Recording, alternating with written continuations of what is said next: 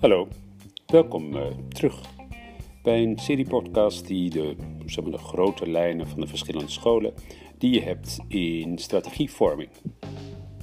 Dat is eigenlijk een uittreksel van het boek Strategie Safari. Deze podcast gaat over de positioneringsschool. Leun achterover en luister rustig verder.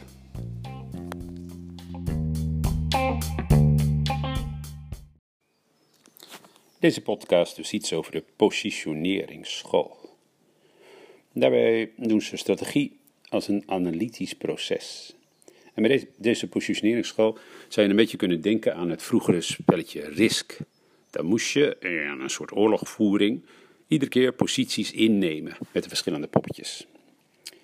Ja, en de veronderstellingen van deze school zijn dat er de strategieën zijn te maken die generiek zijn en uh, algemeen van toepassing met duidelijke posities die je in de markt zet.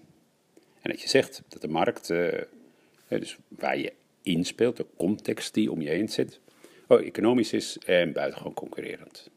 Veronderstelling is ook dat uh, je één positie inneemt en die neem je in aan de hand van een cijfermatige analyse. Dus een analyse die je doet over waar de, de sterktes en de krachten zitten in het spel. Net zoals eigenlijk in een schaakbord. In het geheel spelen analisten, begrijp je, een hele belangrijke rol. En um, er is uh, een, ja, een eindproduct, en dat is een uh, strategie, die uit de bus rolt naar van die analistenwerk en uh, die analyses. Ja, en dat moet dan uitgevoerd worden. Er zijn binnen die school een drietal stromingen. De een wordt genoemd het vroegere militaire onderzoek. De tweede uh, wordt genoemd dat het zit in de advieshoek. En het derde wordt genoemd uh, empirisch onderzoekhoek. Ja, het is een beetje verwarrend, maar ja, zo is het toch wel. De eerste is uh, dus militair onderzoek. Ja, daarbij moet je inderdaad gewoon aan militair denken. De principes zijn dan dat je een heel duidelijk omschreven en beslissend en bereikbaar doel hebt. Dat je een, een verdedigende actie hebt. Dat je veel massa concentreert, dus een beetje als uh, legertanks die je op een bepaalde positie zet. Je maakt efficiënt gebruik van geweld. Je doet een manoeuvre, dus je zet flexibiliteit in. Je hebt een eenheid van bevel. En je maakt gebruik van verrassing.